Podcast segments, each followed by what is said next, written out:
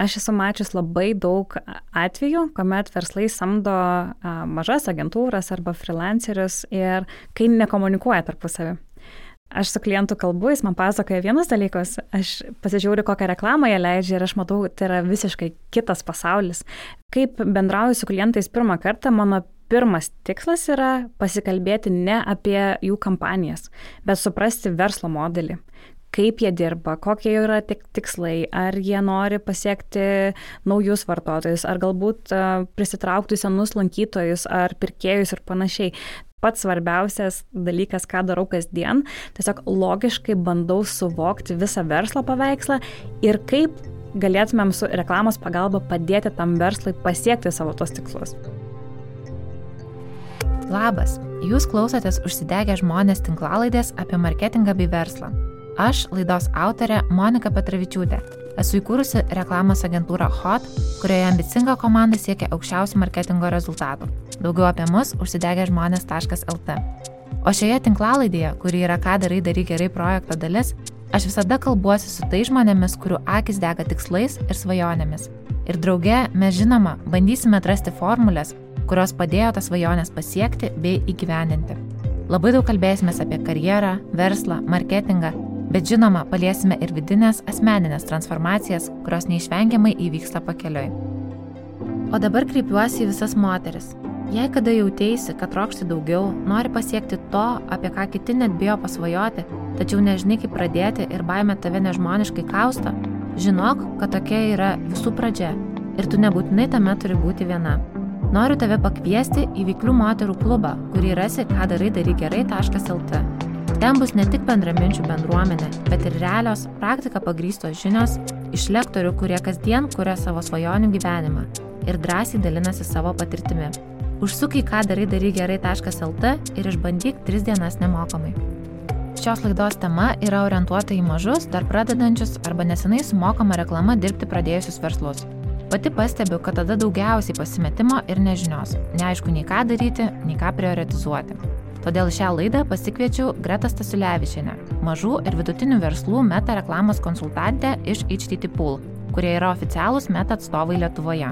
Anksčiau Greta taip pat buvo marketingo vadovė viename startupe, tad ji tikrai žino, ką reiškia pati verslo pradžia ir su kuo tenka susidurti, kai reikia atrasti veikiančius reklamos kanalus bei komunikacijos kampus. Šioje laidoje su Greta sutarėme, kad svarbiausia pakalbėti apie dažniausiai daromas klaidas ir žinių gepus, būtent susijusius su meta reklamomis. Kadangi mokama reklama Facebook ir Instagram socialinėse platformose ir toliau išlieka lyderiaujančia vieta konversijoms, visgi daugeliui, ypač mažųjų verslų, šio potencialo taip ir nepavyksta išnaudoti.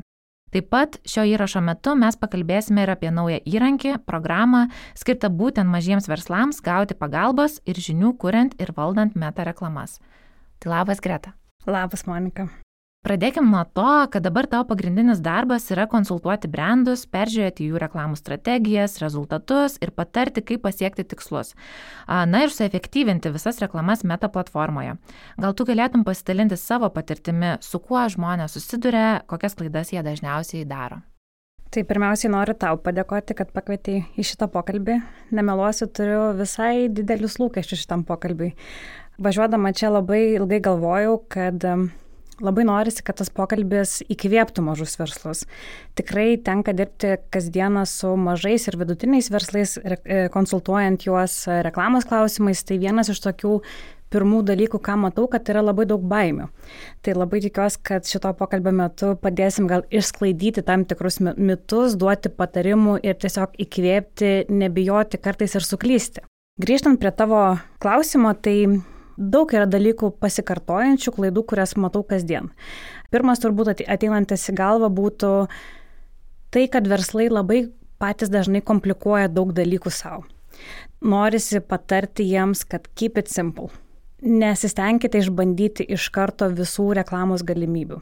Čia, žinai, yra kaip uh, nueiti alkanam į parduotuvę labai norėti valgyti ir prisipirkti labai daug skirtingų dalykų, grįžus namo pradėti viską valgyti ir paskui jautiesi blogai.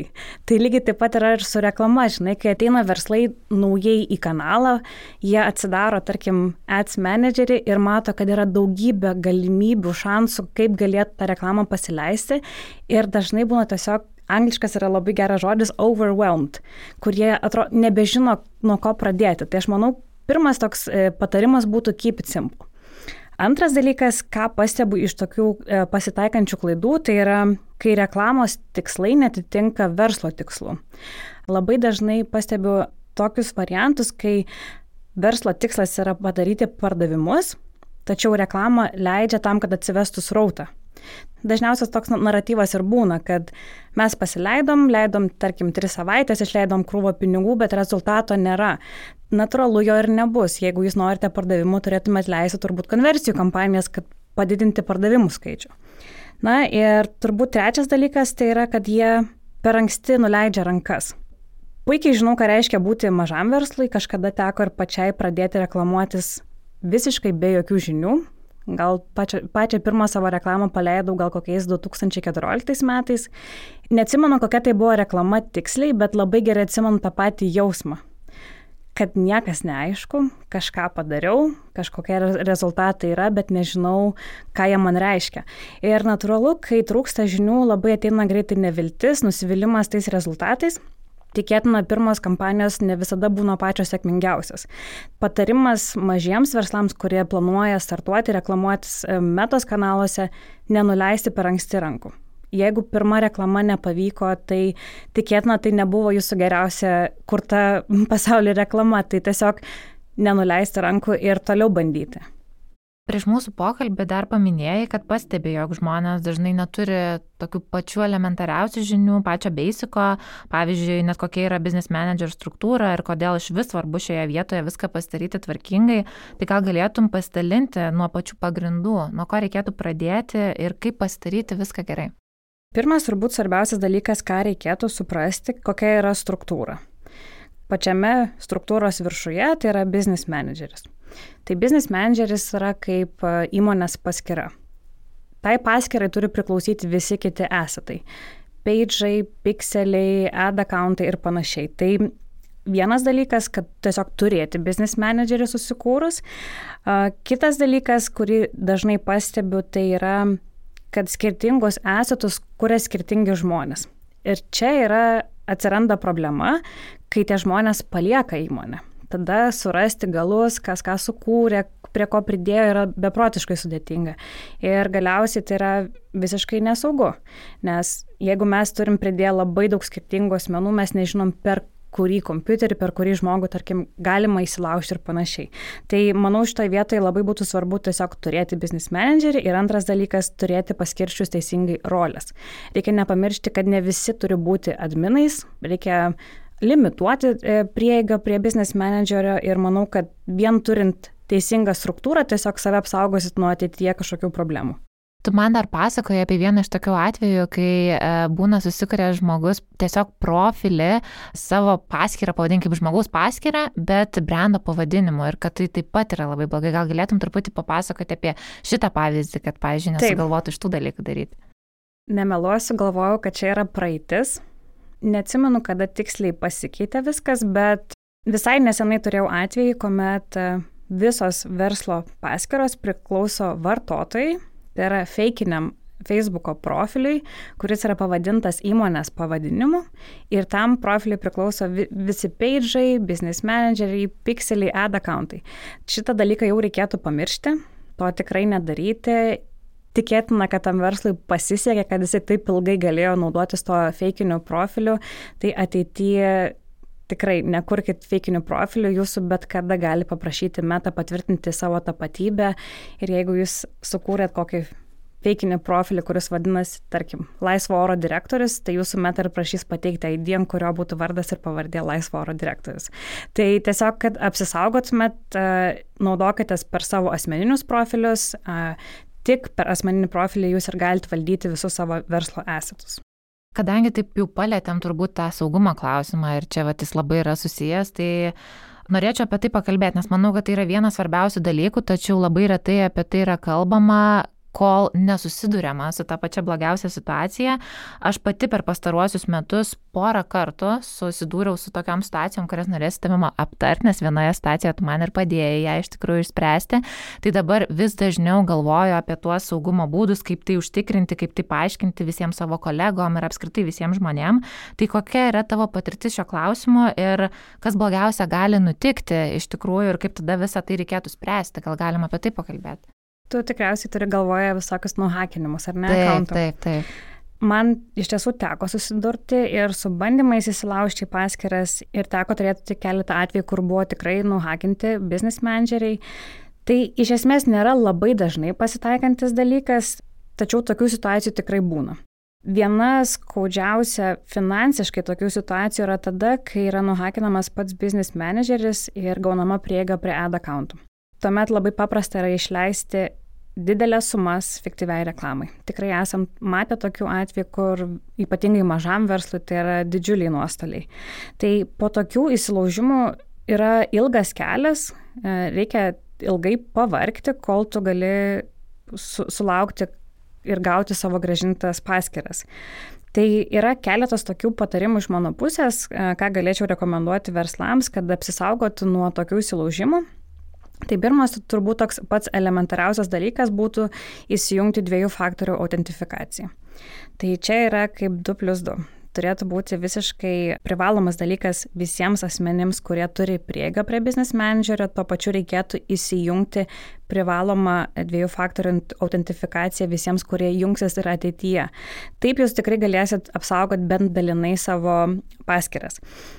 Kitas dalykas tokiai prevencijai nuo įsilaužimų, tai Kaip ir minėjau pačioje pradžioje, tiesiog reikėtų palaikyti tvarką business manager struktūroje.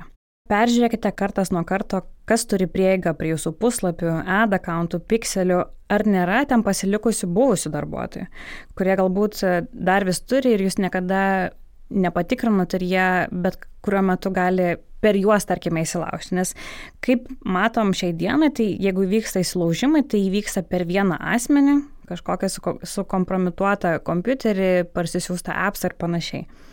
Ir paskutinis dalykas turbūt būtų turėti daugiau negu vieną adminą priskirtą prie savo esetų. Taip tiesiog, jeigu atsitiktų, kad vieną žmogų užblokavo arba nuhakino per tą žmogų, būtų galima turėti kitus adminus, kurie galėtų kreiptis į suportą. Taip, o aš norėčiau pasidalinti tokiam gal būtiškam situacijom, kaip viskas įvyko ir atrodė, nes manau, kad daugelis galvoja, kad čia būna tik tai kokiem neprotingiam žmonėm, kurie ten visiškai atiduoda tą savo profilį laisvą ranką, bet iš tikrųjų nutinka protingiam žmonėm. Ir nes visa, visas tas nuhekinimo procesas gali atrodyti labai įtikinančiai, sakyčiau. Organiškai. Organiškai. Ir vieną kartą buvo taip, kad tiesiog atsiuntė tam tikrus linkus kaip įspėjimą su tuo, kad būtina pasikeisti savo slaptažodį, viskas atrodė labai panašiai sukurta, kaip kad siūstų pats e, metos ten autorius e, kažkoks ir emailas ir viskas kas, nors tai buvo hackeriai. Na ir tada tiesiog paspaudus ant tos nuorodos žmogus pasikeitė savo slaptažodį, dviejų faktorių autentifikavimo neturėjo, kol pamatė kiti, na, agentūra, pavadinkim, jau buvo visiems nuimtos adminų rolės, vis, na, buvo viskas pakeista ir buvo paleista tiesiog feikinė, kaip sakai, kampanija su labai labai dideliu biudžetu.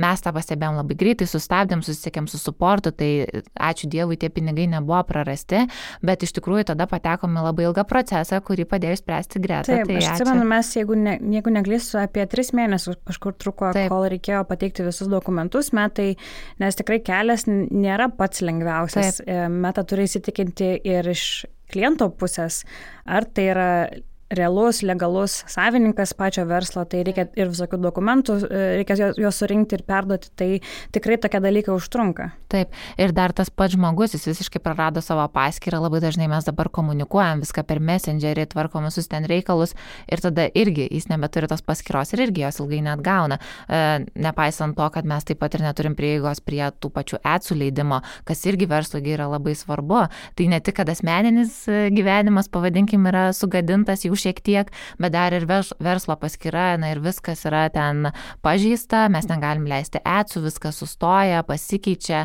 na tikrai tokia mini krizė, o būtų užtekę galbūt turėti tą dviejų faktorių autentifikavimo appsą.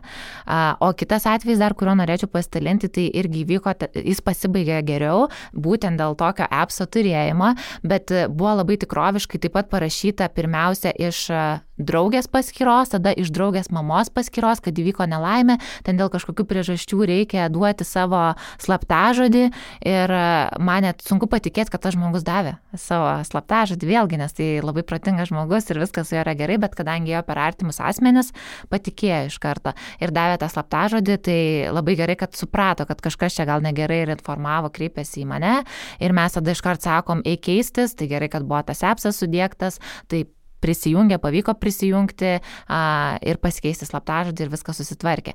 Bet ką ir norėjau pasakyti, kad tos visos situacijos atrodo labai nekaltos, kasdieniškos, paprastos ir net pradžiai nesupranti, kas čia vyksta. Tai e, būkite atsargus, e, vadovaukite gretos patarimais, kad viskas būtų gerai. Na ir sakyčiau, kad tikrai svarbi ir didelė mūsų šiandienos temos dalis yra Facebook Ads Policy. Gal galėtum papasakoti, Greta, kokios klaidos čia dažniausiai daromas, nes iš mano patirties aš tikrai labai dažnai pati pastebiu, kad yra brandų, kurie šioje srityje labai drąsūs, agresyvus, mažai gilinasi į tai ir jie identifikuoja, kad neleisnas turinys veikia itin gerai, todėl stengiasi praslysti. Gal galėtum papasakot, kokios to pasiekmes gali būti? Pirmiausiai, tema yra labai plati. Ad policy apriepia labai daug dalykų ir tikrai susidurėm kasdien su AdPolicy pažeidimais ir turbūt, kad ir kaip banaliai beskambėtų, bet didžiausia ir dažniausiai pasitaikanti klaida yra tai, kad besireklamuodami verslai tiesiog nesilaiko AdPolicy. Viena dalis turbūt yra žmonių, kurie tiesiog yra ne, neįsigilinę į AdPolicy, galvoja galbūt, kad to nereikia, kai bus problema, tada ir spręsim. Ir aš visiškai negaliu kaltinti tokių žmonių, nes pati buvau tokiuose jų vietoj ir teko reklamuotis tikrai nemažai ir anksčiau ir kurti kampanijas ir kitiem verslam ir startupuose bedirbant. Aš pati esu pridarius tik iš, iš tiesų labai daug tokių kvailų dalykų, kur dabar žinodama tikrai suprantu, kad tai buvo visiškai tokie bereikalingi sprendimai, kurie iš tiesų mums atnešė labai daug e, problemų. Tai iš esmės pirmas pats elementariausias dalykas prieš leidžiant reklamą paimti ir perskaityti ad policy. Tai yra pakankamai ilgas ad policy toks reglamentas iš metos pusės, bet tikrai ten rasi daug dalykų, kas yra leidžiama su pavyzdžiais, kas yra... Vizualiais pavyzdžiais, kas ir, yra svarbu. Taip, taip, labai svarbu. Ir tikrai rasi daug gairių, į ką reikėtų atkreipti dėmesį, kai reklamuojatės. Ypatingai tiem verslam, kurie reklamuoja labai didelės nuolaidas. Arba verslam, kurie yra tokiuose rizikingesnėse e, vertikalėse verslo. Tai tikrai labai dažnai pasitaiko, kad jie net nežino, kad jie priklauso tokiai vertikaliai. Tai tiesiog paprastas elementarus perskaitimas atpolas tikrai padėtų išvengti daugybės problemų. Atsakant tavo klausimą dėl neleistino turinio, pasakai labai gerą dalyką, tikrai visokios šokiruojančios reklamos, jos labai gerai veikia. Tik yra vienas, e, vienas toks niuansas, kad žmonės galvoja, kad e, jeigu kitiem pavyko praslysti, pavyks ir man, tai čia nėra visiškai tiesa. E, labai dažnai sulaukiam klausimų, kodėl konkurentai naudoja, tarkim, prieš ir po nuotraukas, kas yra daugeliu atveju neleistina. Ir klausia, kodėl mes taip negalim pasileisti. E, tai atsakymas šiuo atveju turėtų būti labai paprastas, kad meta sistema iš esmės nėra tobula, Ir tikrai kartais praslysta tokie atsai, kurie visiškai netitinka tų reikalavimų. Bet tikrai galiu drąsiai pasakyti, kad tokie atsai ilgai platformose nesisuka, anksčiau ar vėliau jie tikrai gauna atmetimus arba kartais gali gauti net ir didesnius blokus. Tai gali būti užblokuotas ad accountas, puslapis ar tiesiog kartais esam turėję atveju, kai užblokuojamas yra ir business manageris. Dar vienas svarbus dalykas, kurį, manau, reikėtų paminėti ir kurį pastebiu, kad verslai turbūt ne visada žino, kad meta sistema skenuoja ne tik pačią reklamą, vizualus, aprašymų, žinutę pačią, bet tikrina ir kur mes vedame tą reklamą. Tai yra landing page'ai, produkto page'ai ir taip pat ir targetinimo galimybės. Tai jeigu skaitysite atpolisi, tikrai nepraleiskite ir šitos vietos, labai daug yra svarbios informacijos ir svarbu yra laikytis, kad visi šitie elementai būtų atitinkantis meta reikalavimus. Sulaukiam tokių klausimų, kodėl mūsų reklamos yra atmestos, juk ir mūsų tekstai geri, ir vizualai geri, ir, ir aprašymai geri. Tuomet reikėtų pasigilinti į tai, kur jūs vedat. Pasitikrinkite savo landing page. Ar jūs klientą nuvedat į tą puslapį, kuris siejasi su ta, su ta reklama, su kur, e, kurią jūs leidžiate. Kartais gali būti tai tiesiog klaida, bet galbūt nesuteikėt visos informacijos.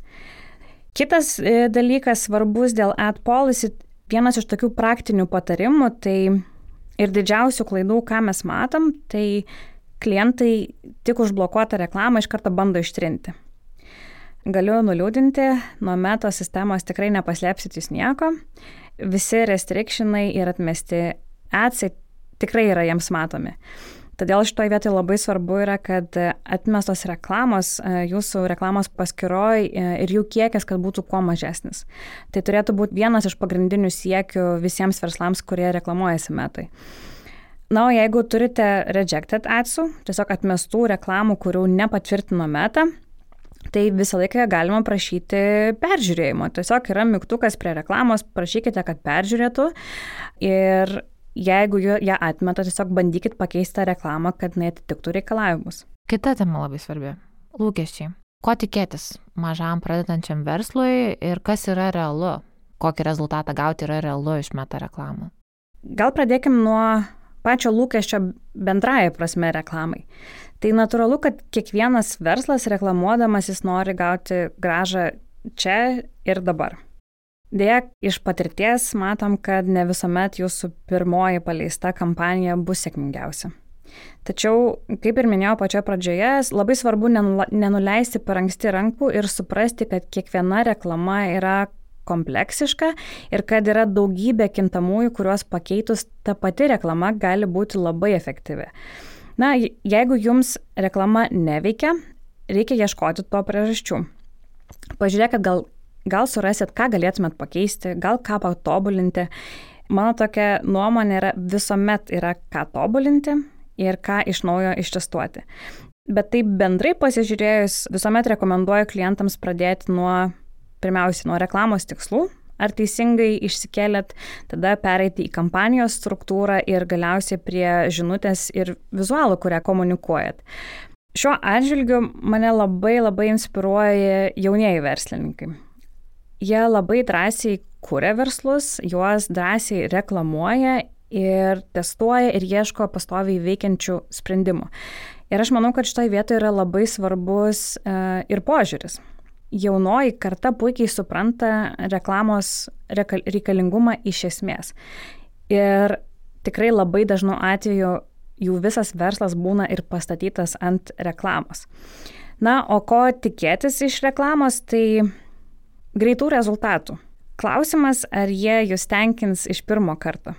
Mane labai žavi meta kanalai tuo, kad galima labai greitai išsitestuoti. Be didelio pasiruošimo labai greitai galima pasileisti pirmas kampanijas, pasitestuoti ir pasižiūrėti, kokie yra rezultatai. Tai nežinau kito kanalo, kuriame taip greitai viskas vyktų, iš esmės pasileisti reklamą galima per kiek 15 kokių minučių, jeigu taip pagalvojus. Kitas dalykas, ko galėtų tikėtis verslai, tai pasiruoškite, kad tikrai teks nemažai testuotis. Ypatingai jeigu tai yra pirmas kartas jums, kai jūs pradedat reklamuotis labai dažnai verslai turi tokią istoriją, kad mes paleidom vieną reklamą, jums neveikia. Tai viena reklama dar absoliučiai nieko nereiškia, tai turėtų būti besikartojantis toks procesas ir kasdienybė, kad paleidžiat vieną reklamą, pasitestuojat, pasižiūrit, kokie rezultatai, ar jie jums tenkina ar ne, ir iš to pasidarote išvadas ir kuriat kitas kampanijas, remdamasi savo tą informaciją iš praeitų kampanijų. Kitas dalykas, manau, kad reikėtų būti pasiruošus gilintis būtent į tuos rezultatus. Norintiems efektyviai reklamuotis, man atrodo, vienas iš tokių svarbiausių dalykų yra išmokti skaityti rezultatus. Ką reiškia tos metrikos, kas yra ROAS, kas yra CTR. Tiesiog tokios kaip ir elementarios žinios, bet jomis reikia remtis, norint pasidaryti tikslias išvadas, iš kurių vėliau priimsi sprendimus, kokias kampanijas planuotis ateičiai. Aš dar papasakočiau truputį iš savo patirties apie lūkesčius iš tikrųjų. Tai aš matyčiau, kad pats blogiausias lūkestis visą laiką būna iš brandų ownerių ar, ar ten kuriejų pas juos, tai uh, tikėtis, kad jie žino geriau kas turėtų suveikti, ar kad čia yra geriausias kampas komunikacijos, ar kad šitas vizualas gražus ir tinkamas, o šitas yra netinkamas. Uh, šitas lūkestis į mane žudo pačią asmeniškai visada, nes jūs nežinot, jūs turit jūsų vartotojams leisti pasakyti, tai yra ištestuoti ir tada pagal duomenis e, daryti kažkokius panašius sprendimus. Tai man labai surezonavo, kai tu pasakė apie jaunus verslininkus, jie puikiai šitą supranta, dėl to jie daug ką testuoja, jie net keičia vos ne verslo kryptį ar produkto kryptį pagal tai, kas veikia ir kas neveikia. Tai reiškia, kad jie daro pagal tą paklausą, o ne tai, kad siūlo tai, ko galbūt visiškai šiuo metu nereikia auditorijai. Visiškai pritarčiau šitą vietoj. Tikrai matau labai daug tokių atvejų, kai labai dažnai, bet būtent verslai, kurie turi labai stiprų brandingą, labai įsikabina savo vizualinių gairių. Ir leidžia panašias reklamas ilgą laiką, gero rezultato nesulaukia ir nenori kartais pereiti prie organiško turinio. Šiuo atveju, manau, gera reklama yra ta, kuri veikia, Jeigu jums reklama neveikia, reikėtų kažką turbūt keisti. Bandyti naujus kampus, požiūrius ir pamiršti tą dalyką, kad mes žinom geriau.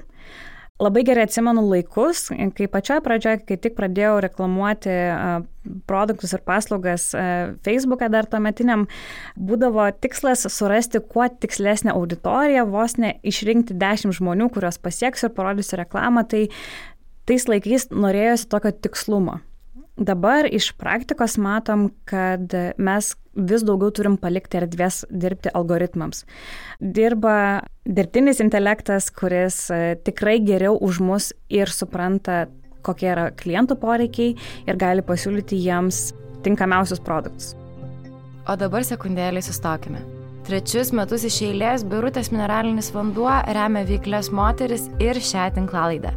Kai pirmą kartą papasakojau jų komandai, apie ką darai darai gerai, gavau vienareikšmišką palaikymą ir nors tinklaladė dar buvo tik idėja, žinojimas, kad turi užnugarį itin padėjo. Asmeniškai dieną pradedu ir baigiu stiklinę vandens, o kai pajaučiu nuovargį, keliauju ne dar vieno kavos padelio, o didelės skanios vandens stiklinės. Kodėl birutė?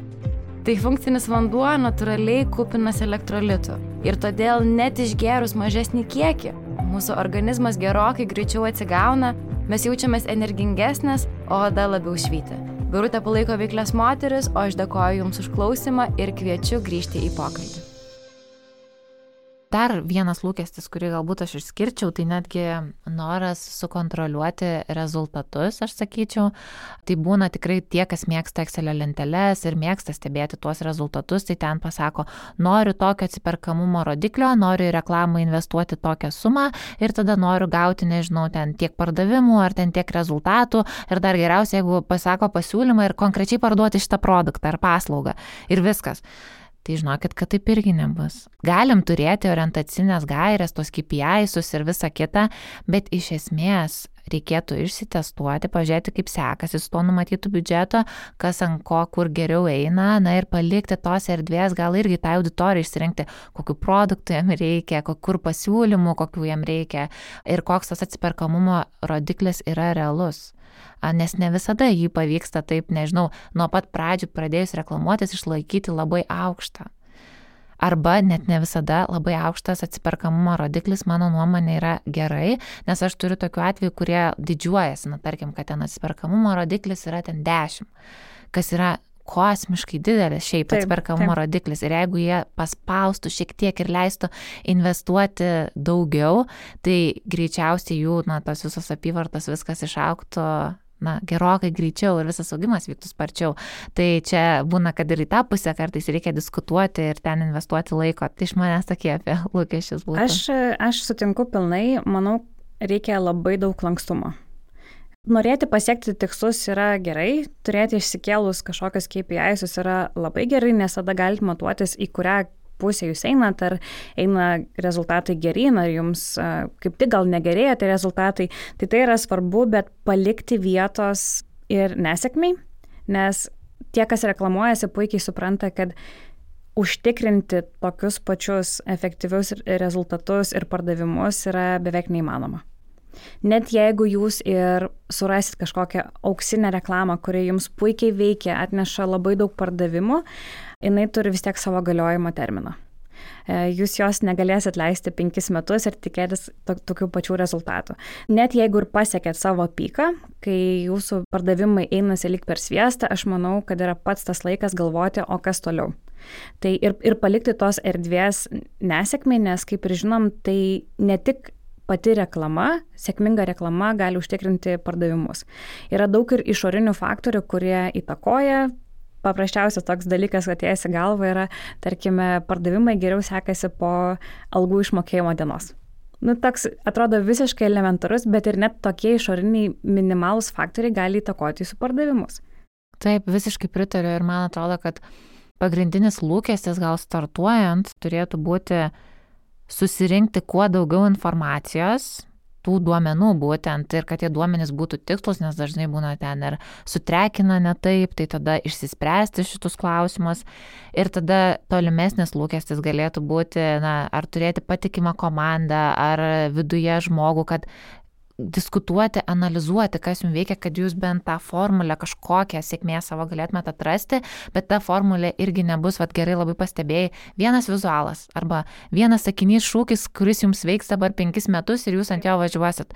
Taip jau nebevyksta dalykai, tai bus kažkoks tam tikrų faktorių junginys, kuris jums veikia ten.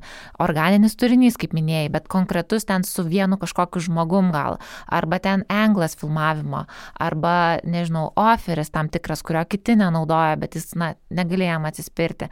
Arba galbūt jūsų produktas ant tiek išsiskiria ir jūs taip gerai per tą reklamą mokat parodyti, ten per video, arba per, nežinau, tekstą kažkokį, ar dar kažkokį išskirtinumą. Tai va čia turėtų būti lūkesčiai, bet dažnai būna blogai, kai tie lūkesčiai iškart yra X skaičius.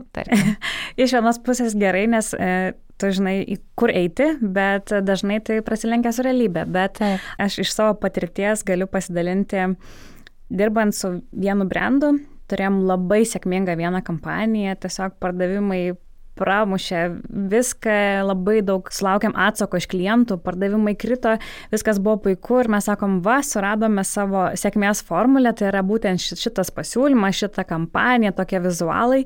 Ir ta, aišku, kampanija pasibaigė, rezultatai pradėjo lėtėti Ir po kurio laiko sakom, dabar vėl išeikim su to pačiu oferiu, su to pačiu pasiūlymu, tais pačiais vizualais, to pačiu kampu. Ir išėjom, atrodo, viską tą patį padarėm ir išėjom su to pačiu pasiūlymu ir rezultatai buvo gerokai blogesni. Mes net pusę nepasiekėm tiek, kiek pasiekėm pirmą kartą. Tikrai reikėtų savo lūkesčius taip laikyti labai realiam lygiai, sakyčiau. Taip, visiškai pritariu iš tikrųjų ir, ir gerai yra tie, tie tikslai, bet uh, realistiškumas irgi gerai. Ir šiaip kaifas man labiausiai yra turbūt reklama, kad nuolatos viskas kinta, nedarai nieko taip pat, vis atrandi kažką naujo, o tai priverčia tobulėti ir tave asmeniškai kaip žmogų ir produktą tobulinti taip. nuolatos. Nes tas pats produktas irgi ateina, pastebėjau, net su brandais būna ateina jų ta šlovės valanda, pavyks išsireklamuoti, bet jeigu nieko toliau nedarysi ir neinvestuosi tų, na, aukštų pelningumo rodiklių, kuriuos sugeneravai Taip. ir tų sėkmingų kampanijų nepaskirsi kažkokiems naujiems dalykams, ar tai kontento kūrimui, ar net produkto tobulinimui, naujų produktų kūrimui, tikrai pasieksi netokius džiuginančius rezultatus, kaip galėtum pasiekti. Visiškai sutinku, man atrodo, šitoj vietoj vienas tokių didžiausių dalykų, kas mane daro tokia labai excited, kai kalbam apie ne tik apie reklamą, bet iš esmės apie marketingą, kad visas marketingas yra pastatytas ant tavo iškeltų hipotezių, kad tu remdamasi kažkokiais rezultatais, kažkokią informaciją, tu keliesi savo hipotezes ir jas bandai arba patvirtinti, arba paneigti. Ir žiūri, ar tau tai veikia, ar tai neveikia. Tai čia yra visas to marketingo grožis ir tai nėra vienkartinis toks išėjimas. Tai yra toks pastovus ieškojimas naujų kampų, bandymas testuoti naujus gal formatus, kreatyvus, e, kolaboracijas. Čia yra visiškai galimybės endless ir žmonės gali išbandyti tikrai ir verslai gali pabandyti daugybę dalykų iki tol, kol atras kažkokį savo tinkamą dalyką. Ir atradę ieškoti dar kitų dalykų, nes kaip ir ką tik šnekėjom, kad vieno sėkmingo kažkokio etapo e, nereikėtų jo pasikliauti, kad jisai pasikartos. Reikia vis ieškoti naujų kažkokių idėjų. Taip, visiška kūryba. O kas tavo nuomonė padaro reklamą sėkmingą? E, ką tu laikai gera reklama, Vat, kad taip dabar jau apibendrinta formulė, gal mūsų patirtis kažkokia tai. Šioje vietoje norėčiau nenukrypti į performance dalį, nes tikiuosi, kad mūsų klausys ir maži verslai, tai galbūt jiems dar yra per toli gilintis labai giliai į tą performance dalį. Tai kas yra sėkminga reklama, jeigu taip visiškai paprastai pasakius, tai yra reklama, kuri apsimoka verslui, kuri atneša rezultatus. Kodėl vienos reklamos yra sėkmingos, o kitos nelabai sėkmingos arba absoliučiai yra feilas, tai yra daugybė priežasčių. Tai reikėtų suprasti ir vėlgi sugrįžtant prie lūkesčių, neišsikelti savo nerealių lūkesčių, kas liečia re reklamą. Bet galvojant, kas galėtų padaryti reklamą sėkmingą, tai turbūt vienas pirmų dalykų, kuris ateina man į galvą, tai yra signalų ir rezultatų matavimas. Jeigu mes negaunam teisingų signalų, galvoje turi būtent pikselį, tarkime, jeigu pikselis yra įdėtas neteisingai, tai mes negaunam realių skaičių. Mes negalime pasimatuoti. Ir reikėtų nepamiršti, kad jūsų reklama ir yra optimizuojama pagal tuos gaunamus ir fiksuojamus rodiklius. Tai pirmas dalykas būtų būtent rezultatai ir signalai. Aš dar papildysiu iš karto tokiam realiom situacijom, kaip patikrinam, kad pikselis gerai veikia ar ne, nes atrodo būna susidėgiam ir veikia, bet tada nueinam pažiūrėti į rezultatus ir žiūrim konkrečiai ten, nu čia tarkim paimsiu e-shopą, kad e-shopė yra įkritę vienas pardavimas, o pikselis rodo penkis. Tai čia toks didžiausias signalas, kad viskas yra blogai, nes kartais būna, kad e-shopė penki, o pikselyje vienas. Nu tai ten gali būti peiseros, ten tam tikri dalykai ir panašiai, bet jeigu jau pikselis rodo daugiau kažkokių eventų, negu kad jų realiai pas jūs buvo, jau žinokit, kad signalas, kad čia tikrai kažkas netaip ir jums reikia peržiūrėti. Tai čia toks paprasčiausias būdas turbūt suprasti. Aišku, yra ten ir kitų būdų, bet e, dažnai čia jau net nežinančiam įmanoma suprasti šitą dalyką. Ir kitas dalykas, tiesiog išnaudokit Google analitiką. Aišku, ten irgi turi būti tam tikri setapai padaryti. Pasitikrinkit, ką rodo Google analitika, ką jums rodo Ads Manager'e, kokius rezultatus pasiekėt ir nepamirškit pažiūrėti į savo vidinės pardavimų sistemas, kokiam naudojatės, kiek buvo tų pardavimų realiai padaryta. Mažam verslui manau, kad tiek tikrai užtenka. Jeigu kalbėtumėm apie tokius labiau advanced, didesnius verslus, tai yra ir trečiųjų šalių įrankiai, kurie padeda labai tiksliai išsiaiškinti, kuris pardavimas buvo atvestas iš kurio kanalo. Kaip tu manai, ar metos apskritai visom šitom reklamom yra reikalinga strategija? Ir kiek tam, va, būtent pačioje pradžioje reikėtų skirti laiko? Strategija yra reikalinga. Meta kanalai skiriasi nuo kitų kanalų. Paimkim Google pavyzdį. Su meta reklama mes ieškome potencialių vartotojų ir jiems pasisiūlome. Pasiūlom savo kažkokį oferį, kai tuo metu, kaip pavyzdys Google, ten ateina žmonės jau su intencija ieškoti kažkokios produkcijos, kažkokios paslaugos, tai natūralu, kad skiriasi pačios intencijos pirkti lygis. Strategija turėtų būti atitinkamai kitokia.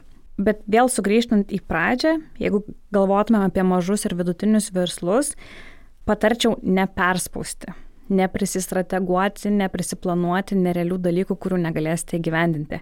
Ir neapsikrauti savo per daug. Ta tikrai labai matau kasdien, kalbėdama su įvairiais verslais per konsultacijas, kur jie nori turėti strategijas kaip dideli verslai, tačiau neturi tam resursų gyvendinti.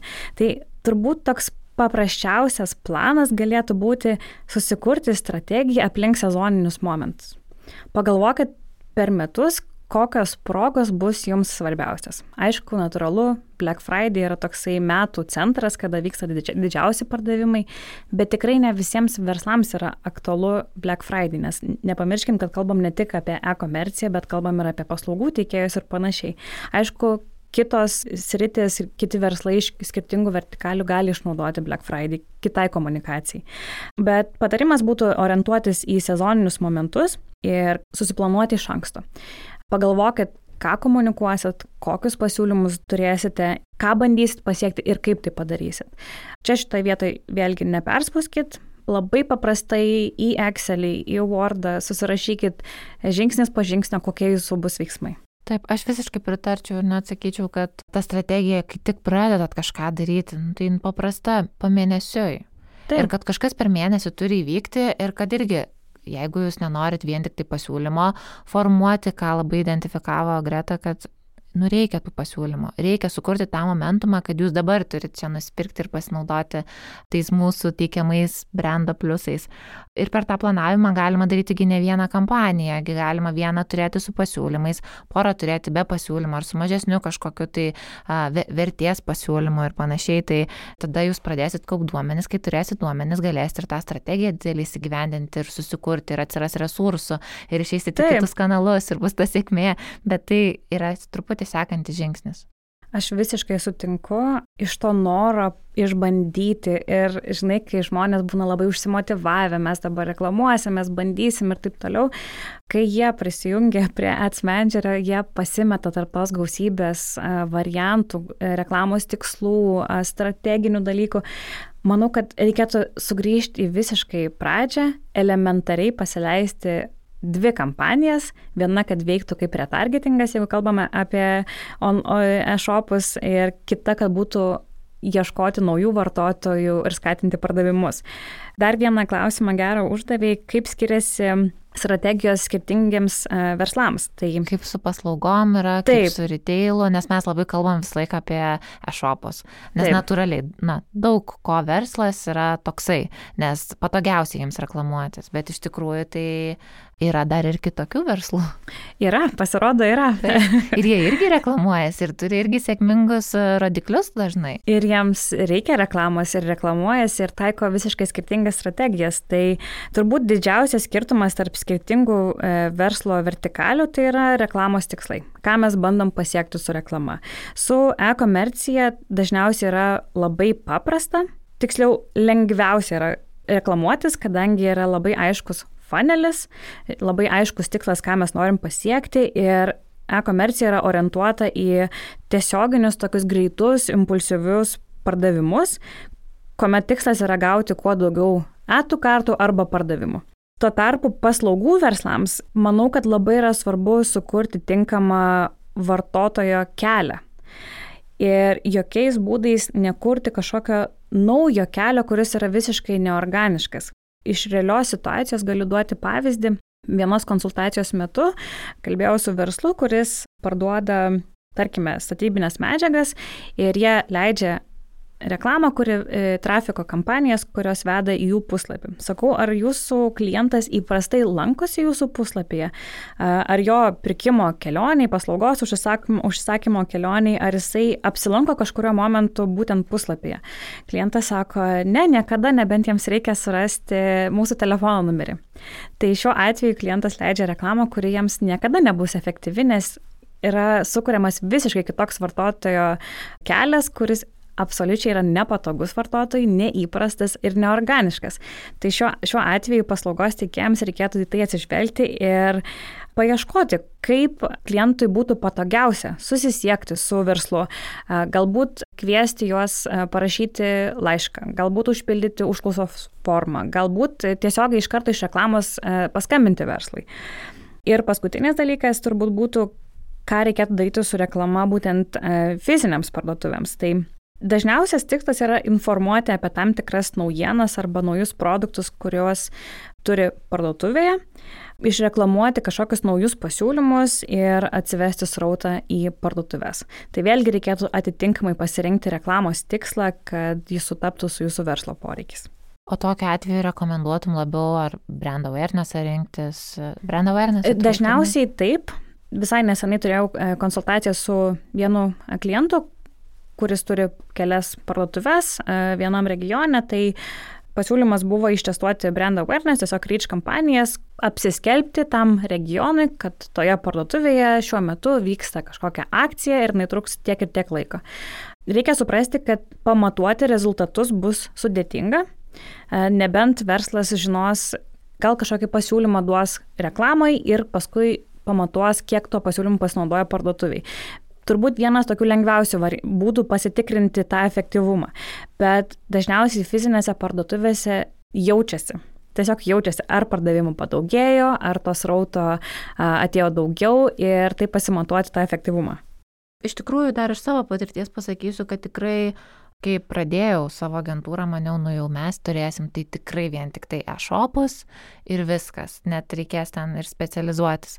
Bet e, labai džiugu yra turėti e, tų sėkmingų situacijų, kai tarkim puikiai veikia uh, lead generation kampanijos, kur tu tiesiog renki kontaktus ir tai yra paslaugų verslas ir pasako ir sako, kad nu, labai padaugėjo srauto, kad gaunam tų tokių gerų tikslinių klientų, nes pasiskambinam, užregistruojam, ateina ir visko padaugėja. Tai viskas yra įmanoma, tik tai jūs turite apgalvoti ir tavo labai geras pastebėjimas yra, kad turi būti patogu žmogui.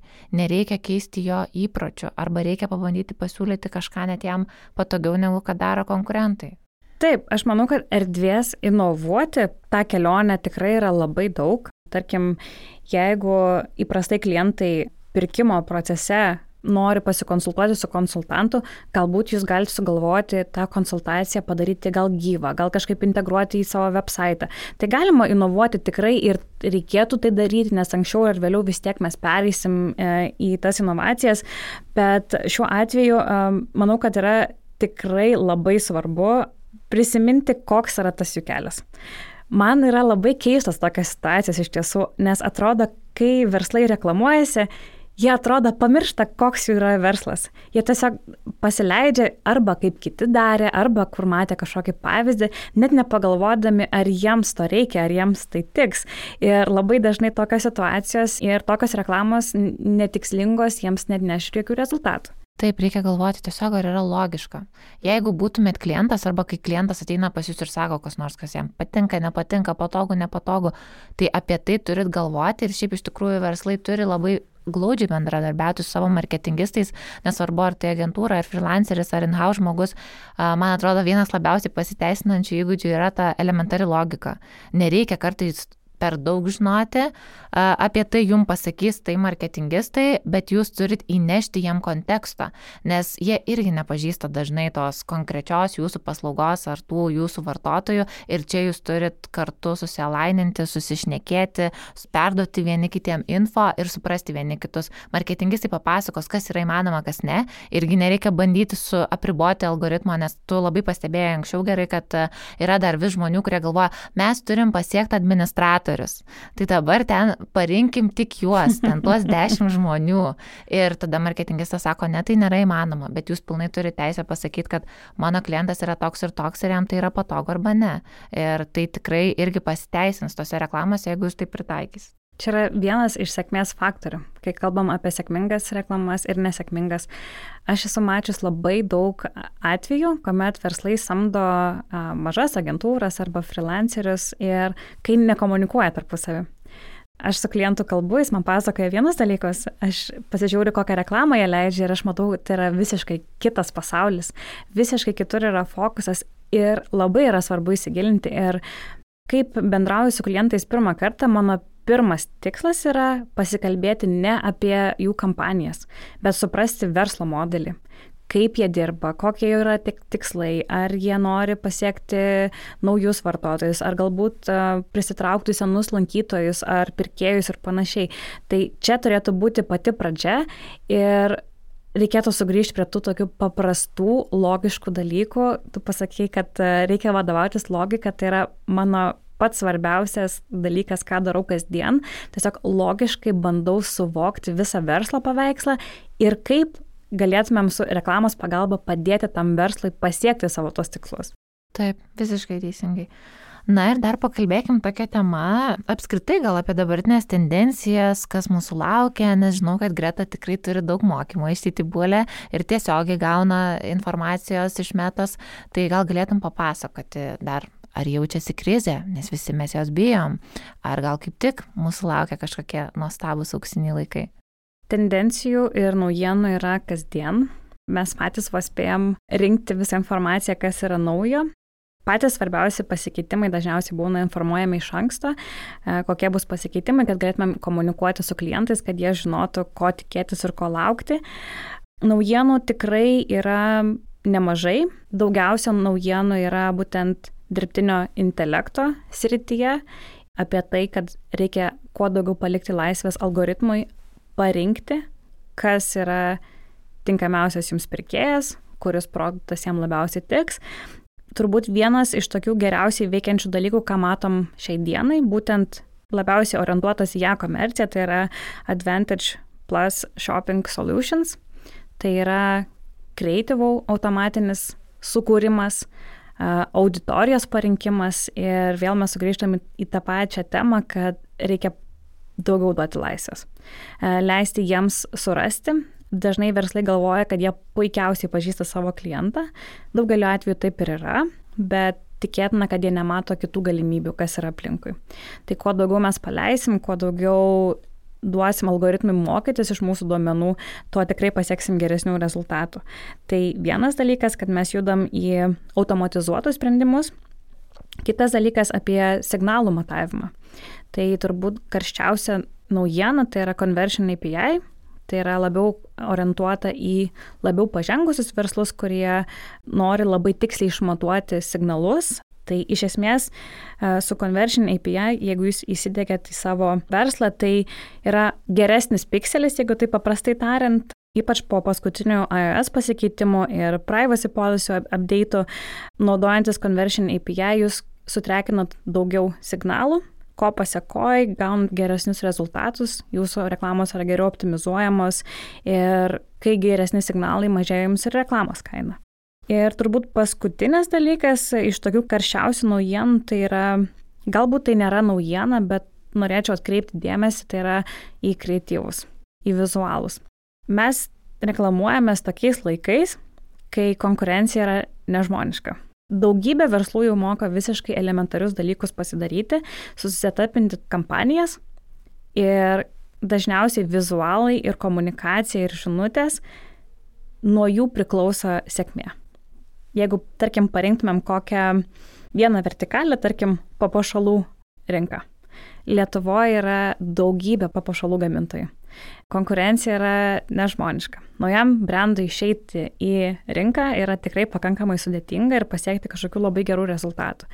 Vienintelė svertis, kuri nulėmė, ar jums pasiseks ar ne, dažniausiai būna kreatyvai. Ar jie patraukia dėmesį, ar jie paskatina vartotoją atlikti tam tikrus veiksmus, kurių nori, kad atliktų verslas.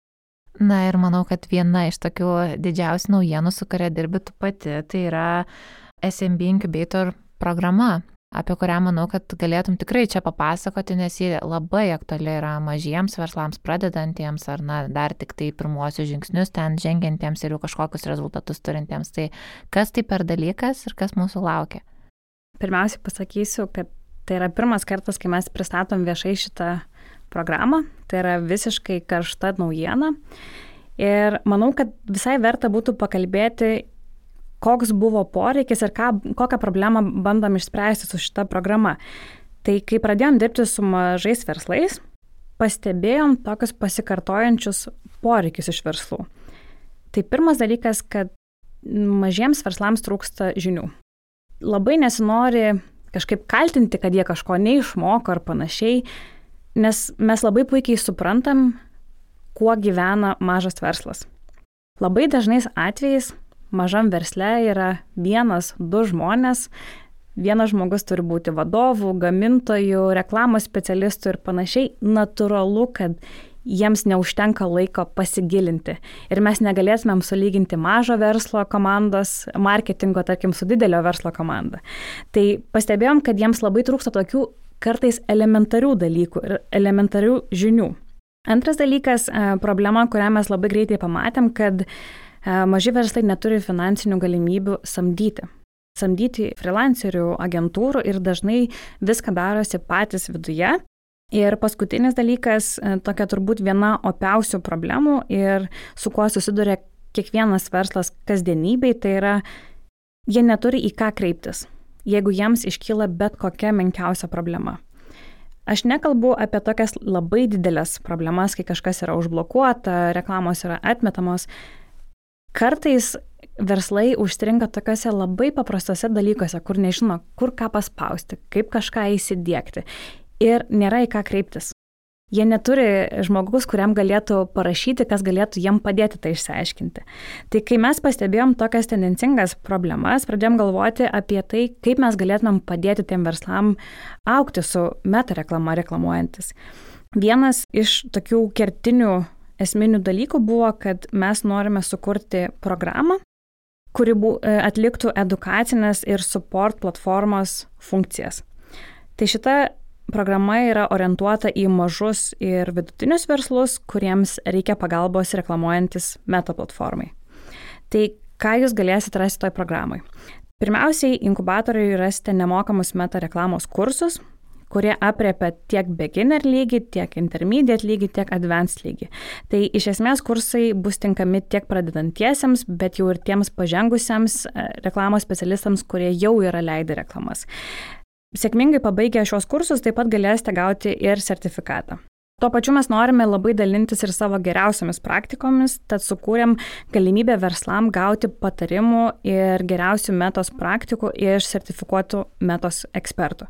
Tai organizuosime online gyvas sesijas, kurių metu galėsim atsakinėti į klausimus, kuriuos turi verslai.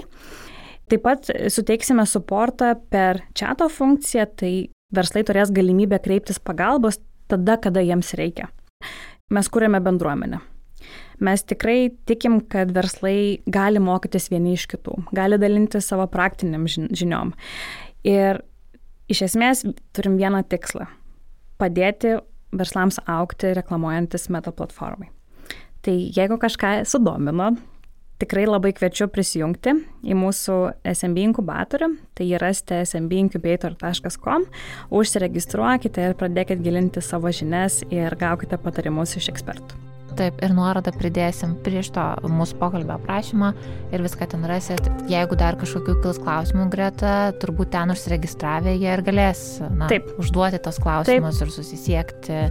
Iš tikrųjų labai ačiū tau už pokalbį, Greta. Man atrodo, kad tiem mažiem verslam buvo labai naudinga. Aš labai tikiuosi. Ir mūsų klausytojams aš dar kartą primenu, kad su mumis buvo Greta Stasulevičiane, mažų ir vidutinių verslų meta reklamos konsultantė iš HTT Pool, kurie yra oficialūs meta atstovai Lietuvoje.